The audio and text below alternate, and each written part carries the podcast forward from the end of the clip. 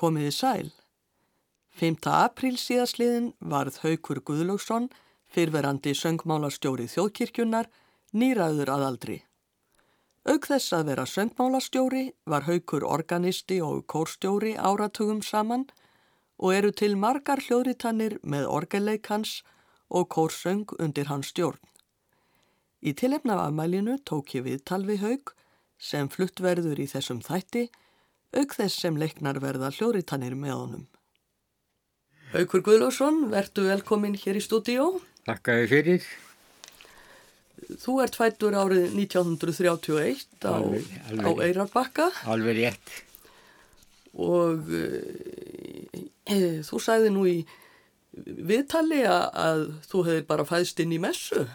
Já, það er alveg satt. Hvernig atvikaðist það? Já, það var ekki fyrirfram ákveði. Nei, varla. Nei, nei. Nefn að forsjónin hafi ákveðið það að, að tilkynna æfistarfið þitt um, um leið og þú fættist. Við ekki bara slá því föstu. Ég held það. En það var, það var útvarp í gangi, var það ekki? Jú, þú það var bara nýkomið. Pappi hefði keift útvart 1930 um leið og byrjaði. Já, það er bara einu ári Já, á undan. Og, og það var verið að flytja messu. Já, það var páskamessan. Það var sjálf páskamessa. Já, og það var sjálfsagt verið sér að bjarni Já, já. Og Pátt spilað og, og domkórin. já, þú hefur heyrt, heyrt organleik þarna strax þegar þú fættist. Já. En, eh, en hvernig atvikaðist það nú svona það sem mannst eftir, hvernig tónlistar áhugin vaknaði hjá þér? Já, það var nú þannig bara að, að frendi minn sem var organist í, í Erabakka kirkju og var það meira síðan 40 ár að hann, hann spurði mig hvort ég sagði, sagði eins, og, eins og óvart fyrir hann að mér hafa alltaf langað að læra á píanum. Svo kallaði hann í mig það sem var að gangi út á götu da- daginn eftir og spurði mig hvort ég, mér væri alvara með þetta. Já, ég held það. Svo byrjuðum við og og hann, við vorum með gamla Hornemannsskólan, danskan. Já, og uh, hann leti mig spila þá. Og ég manna einu sinni spilaði ég hérna lag sem, sem hétt Slummer Polki. Og uh, ég var búinn að ná því nokkuð vel og mér fannst ég vera alveg óskaplega flinkur og svo vildi svo til að hann kemur þarna inn og heyri mig spila þetta og hann eh, segir strax við mig því ferðu yfir þetta á þessu hundavaði, sagði hann. Og, eh, og ég var nú eiginlega svolítið lítill á, á þeim tíma og, og, og um, ég hugsaði mér, ég vildi, ég hefði aldrei byrjað á þessu að læra. Þessi frændi Haugs og fyrsti kennari hétt Kristinn Jónasson. Eftir nokkur tíma fannst honum rétt að Haugur færi til Reykjavíkur og læriði þar hjá meiri atvinnumönnum. Í Reykjavík fór Haugur fyrst í pianotíma hjá Guðriði Guðmundsdóttur. Og hvað varstu gammal þegar þú byrjaði? Ég var nú, eh, því miður var ég orðin allt og gammal, ég var 13 ára. Ég hefði verið búið ánæður ef ég hefði getað byrjað svona 8-9 ára gammal. Já, eh, flestir byrja á þeim aldri. Já, Haukur hóf síðan nám við tónlistarskólan í Reykjavík þar sem aðal pianokennari hans var Árni Kristjánsson. En uh, hvaða tónlist hafður nú helst heyrt fram að þessu á, á Eirabakka? já, Það hefur nú kannski einhver verið í kirkjunni? Já, það hefur nú verið náttúrulega í kirkjunni og, og ég man sérstaklega þegar sungi var í dag gletti döfrum hjörtum. Ég var strax ákvæmlega hrifin af því og Mozart hefur alltaf verið náttúrulega eitt af mínu mesta uppáhaldi. Meira heldur en sjó, sjálfur sjópeng en, en þetta var og ég man eftir því að þegar ég fór fyrst í óperu í Þískalandi, í Berlín, að þá heyrði ég törraflautuna og það var alveg ógleymaleg, ógleymaleg síning og, og, og þeir, þeir stóðu ekki á sviðunni, þessi þrý drengi sem að sungu þetta heillandi verk. Já, já, þetta lag sem og, nota, nota hefur verið við í dag er glatt í döfrum hjörtum hjá okkur. Emmitt og, og þeir, þeir stóðu ekki á sviðinu heldur voruður á ykkur brettis sem var hýft niður á, niður á jafnsléttu. Já, já. Og þar sunguðu þetta. Já.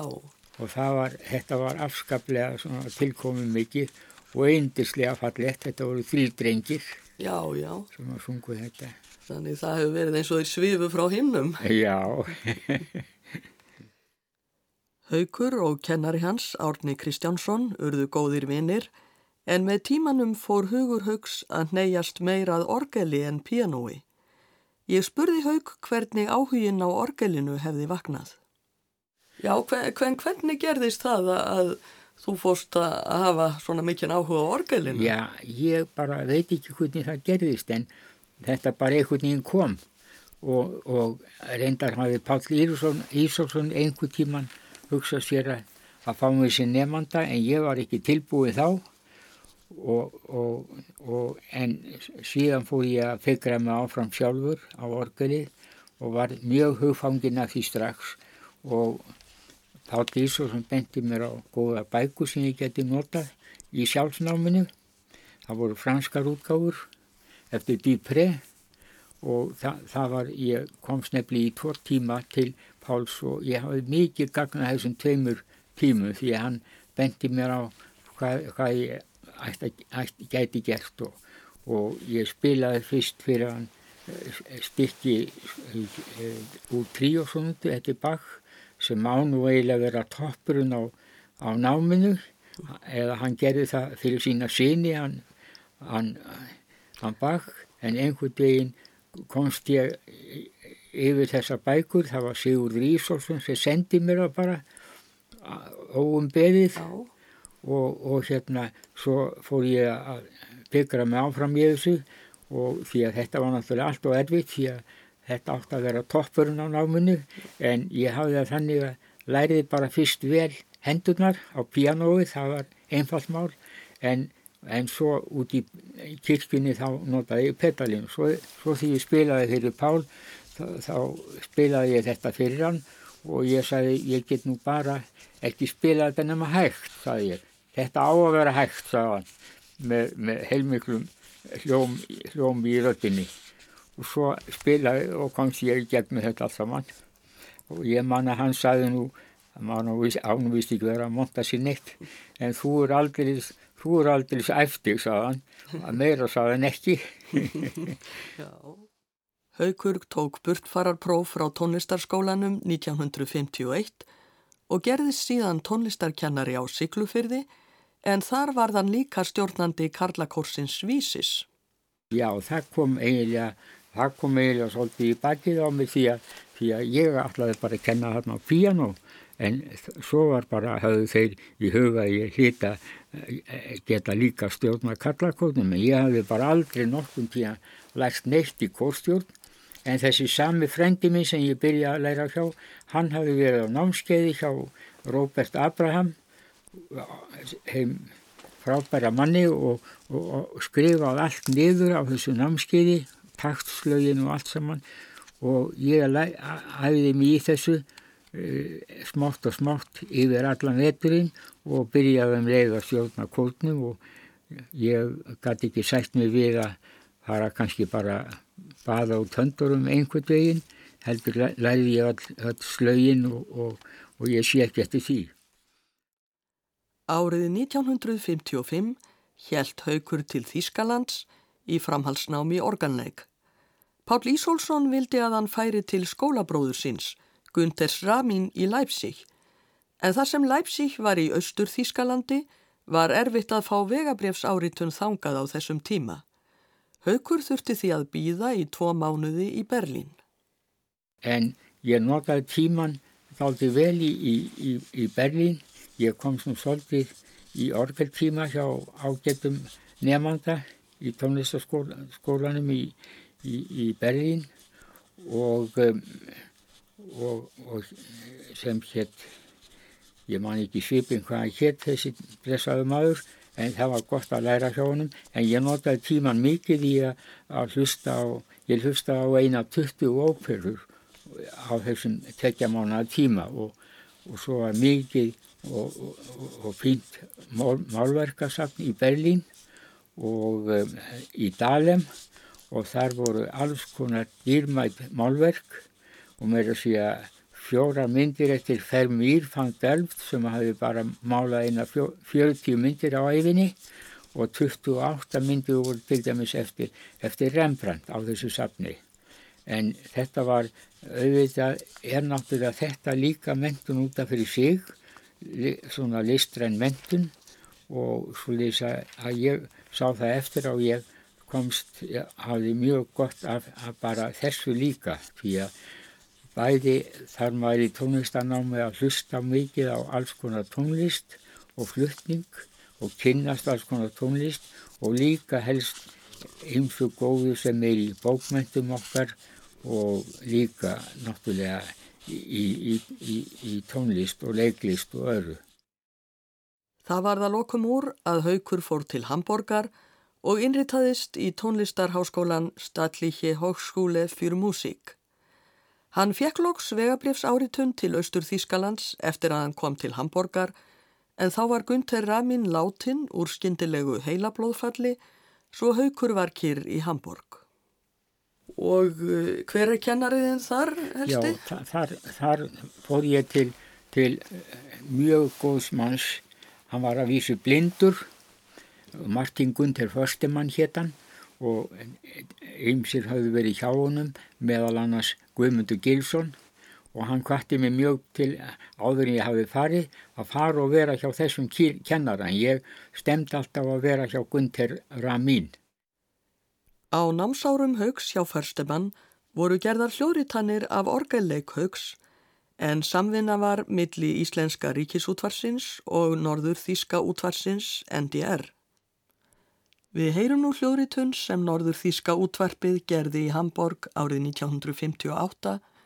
Haukur Guðlaugsson leikur fúgu í eftir eftir Dietrich Buxtehúti.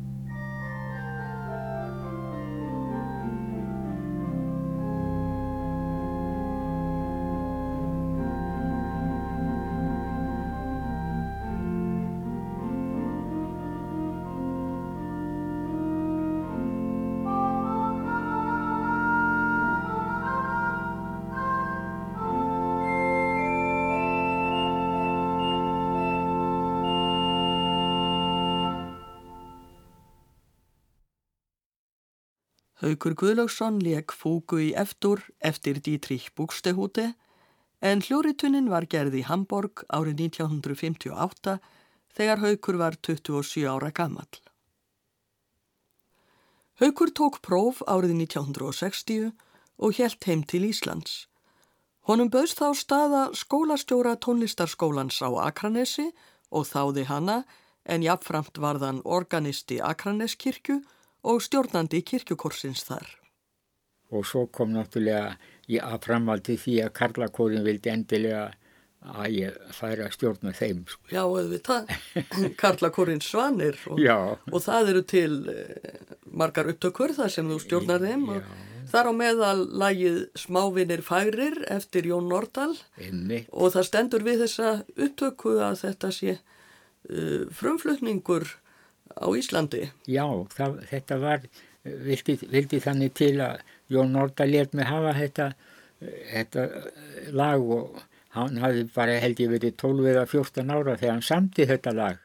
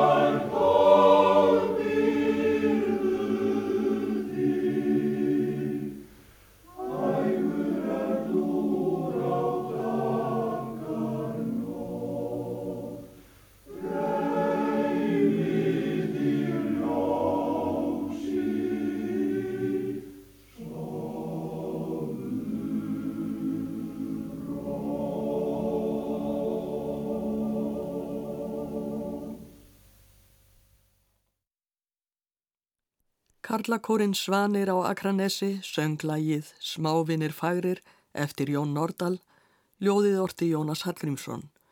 Haukur Guðlöksson stjórnaði kórnum og þetta var frumflutningur lagsins á Íslandi, hljóðritun frá árinu 1961. Haukur var skólastjóri tónlistarskólans á Akranesi frá 1960 til 1974 og organisti Akraneskirkju frá 1960 til 1982 auk kórstjórnarinnar. Árin 1966, 1968 og 1972 fór hann til Ítalíu til þess að stunda framhalsnám í orgeleik í Róm. Svo ferð þú í framhalsnám í organleik, eh, ferð nokkru sinnum og eh, lærir hjá Fernando Germani Já. í við Akademia di Santa Cecilia. Akademíu heilarar Cecilíu, vendardýlings tónlistarinnar í Róm.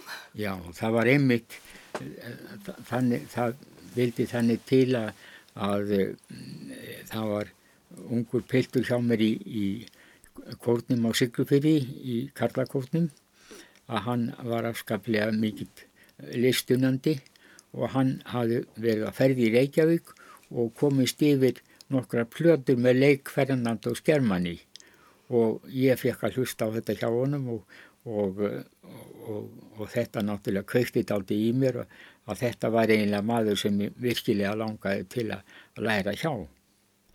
Og svo eh, komst ég ekki neitt í sambandi við hann en svo var einu sinni eh, hérna, maður stattur á Akranissi sem var að spila fyrir okkur, Karel Pákert sem var hér og hann spilaði orgel og, og, og í Akranískirkju og ég sagði hann frá þessu. Og þá sagði hann, já, Germani hann er vinnur minn og ég ætla, ég ætla bara að skrifa honum. Og svo bara, svo bara eitthvað við þetta var, var ég með brefi í höndunum frá Germani þar sem að ég var búin velkomin til Rómar.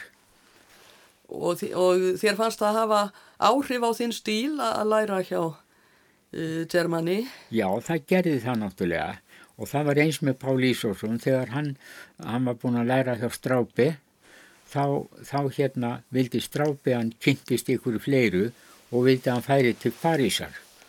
Og, og, og Pál fór til Parísar til Bonni og ég spurði hvort það hefði ekki verið erfitt að skipta um stíl. Nei það var nú ekki mikið erfitt, sagði Pál, því að Strápi stílinn er sá langarfiðasti sem til er Já, já. og svo það var ekki mikið erið og, og það veit nú þannig til að förstumann hann lærði eftir strápistílnum og hann kend okkur allum eftir strápistílnum. Já, já. það er nú meðal annars til hljóðritun þar sem þú leikur einmitt Ostinato og Fúgetu eftir Páli Sólsson. Einmitt. Og Pál hefur nú haft áhrif á þinn feril eins og, eins og þú, Jú, eins og hann hefur gert það. Hann var afskaplega velviljaðu maður líka og, og, og, og alveg sérstakur personleiki eins og allir vita. Við heyram nú hljóðritun frá 1979 þar sem Haukur Guðlaugsson leikur Ostinato og Fúgetu eftir Pál Ísólfsson á orgel Egilstaðakirkju.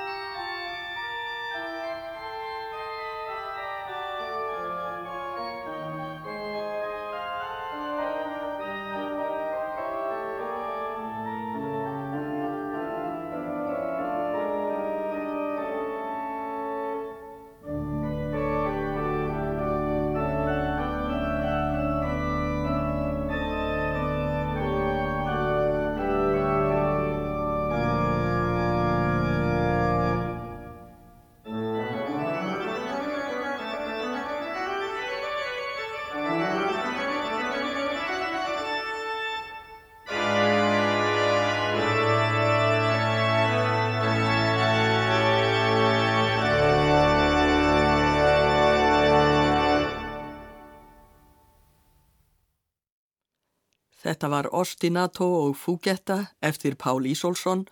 Haukur Guðlöksson leik á orgel Egilstaðakirkju. Hljóritunnin var gerð árið 1979 þegar Haukur var 48 ára gammal.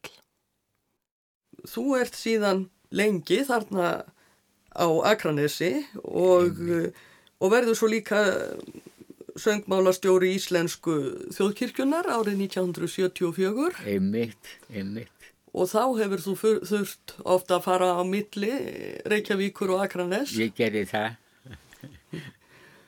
Og eh, það ég, ég heyrði því fleikta að þegar Akraborgi væri rétt e, við það að leggja frá landi þá kæmir þú þjótandi og rétt slipur um borð. Já já, ég var þá bara kjóli Meðal þeirra laga sem hljóðrituð voru með Kór Akraneskirkju undir stjórn Haugs er Stjarnan úr oratóriunni El Pesebre eftir hinn fræga seljuleikara og tónsmið Pablo Casals. Við heyrum nú þetta lag, hljóðritunin er frá 1982. Ágústa Ágústóttir syngur einsöng með kórnum og Fríða Lárustóttir leikur á piano.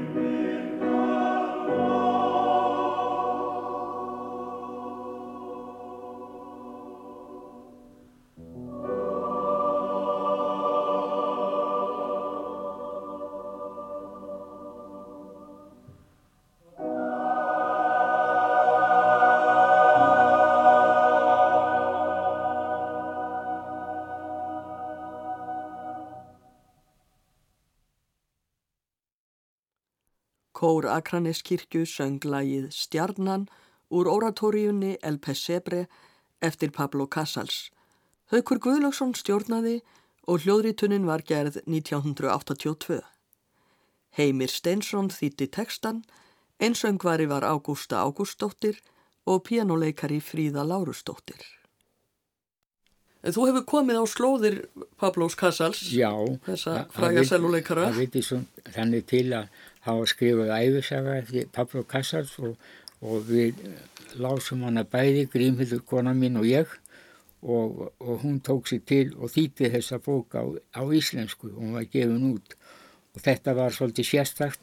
Við, við vissum alltaf af Pablo Casals og við fórum til Vendrei og komum einmitt í kirkina þar sem hann hefði spilað sem lítið drengur á samt föðu sínum sem var organisti. og þegar við komum inn í kirkina þá var þar ungur piltur sem var að stjórna hérna barnakór og, og hann kom strax til okkar og, og, og gaf svo á tal við okkur og þannig, þannig kynntist við, við honum og setna var það til þess að okkur Gunnari Kvaran var búið að spila hérna á 125 ára ammæli Pablo Casas og gerðum það. En starf þitt sem söngmálastjóri í Íslensku þjóðkirkjunnar, það er nú ekki víst að allir átti sig á því í hverju það starf helst?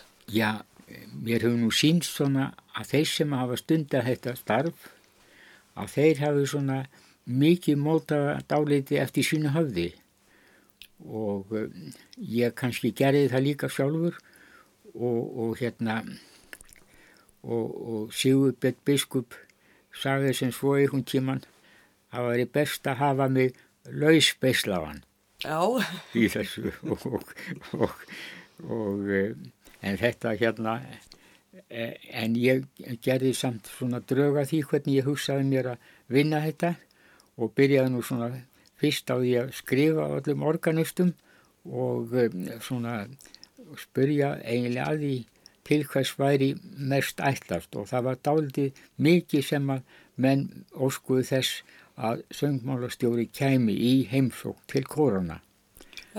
Eins og, og, og hérna eins og forverar mínu höfðu líka gert, mismikið náttúrulega. Og nú ert þú orðin nýræður, það er talsverður aldur.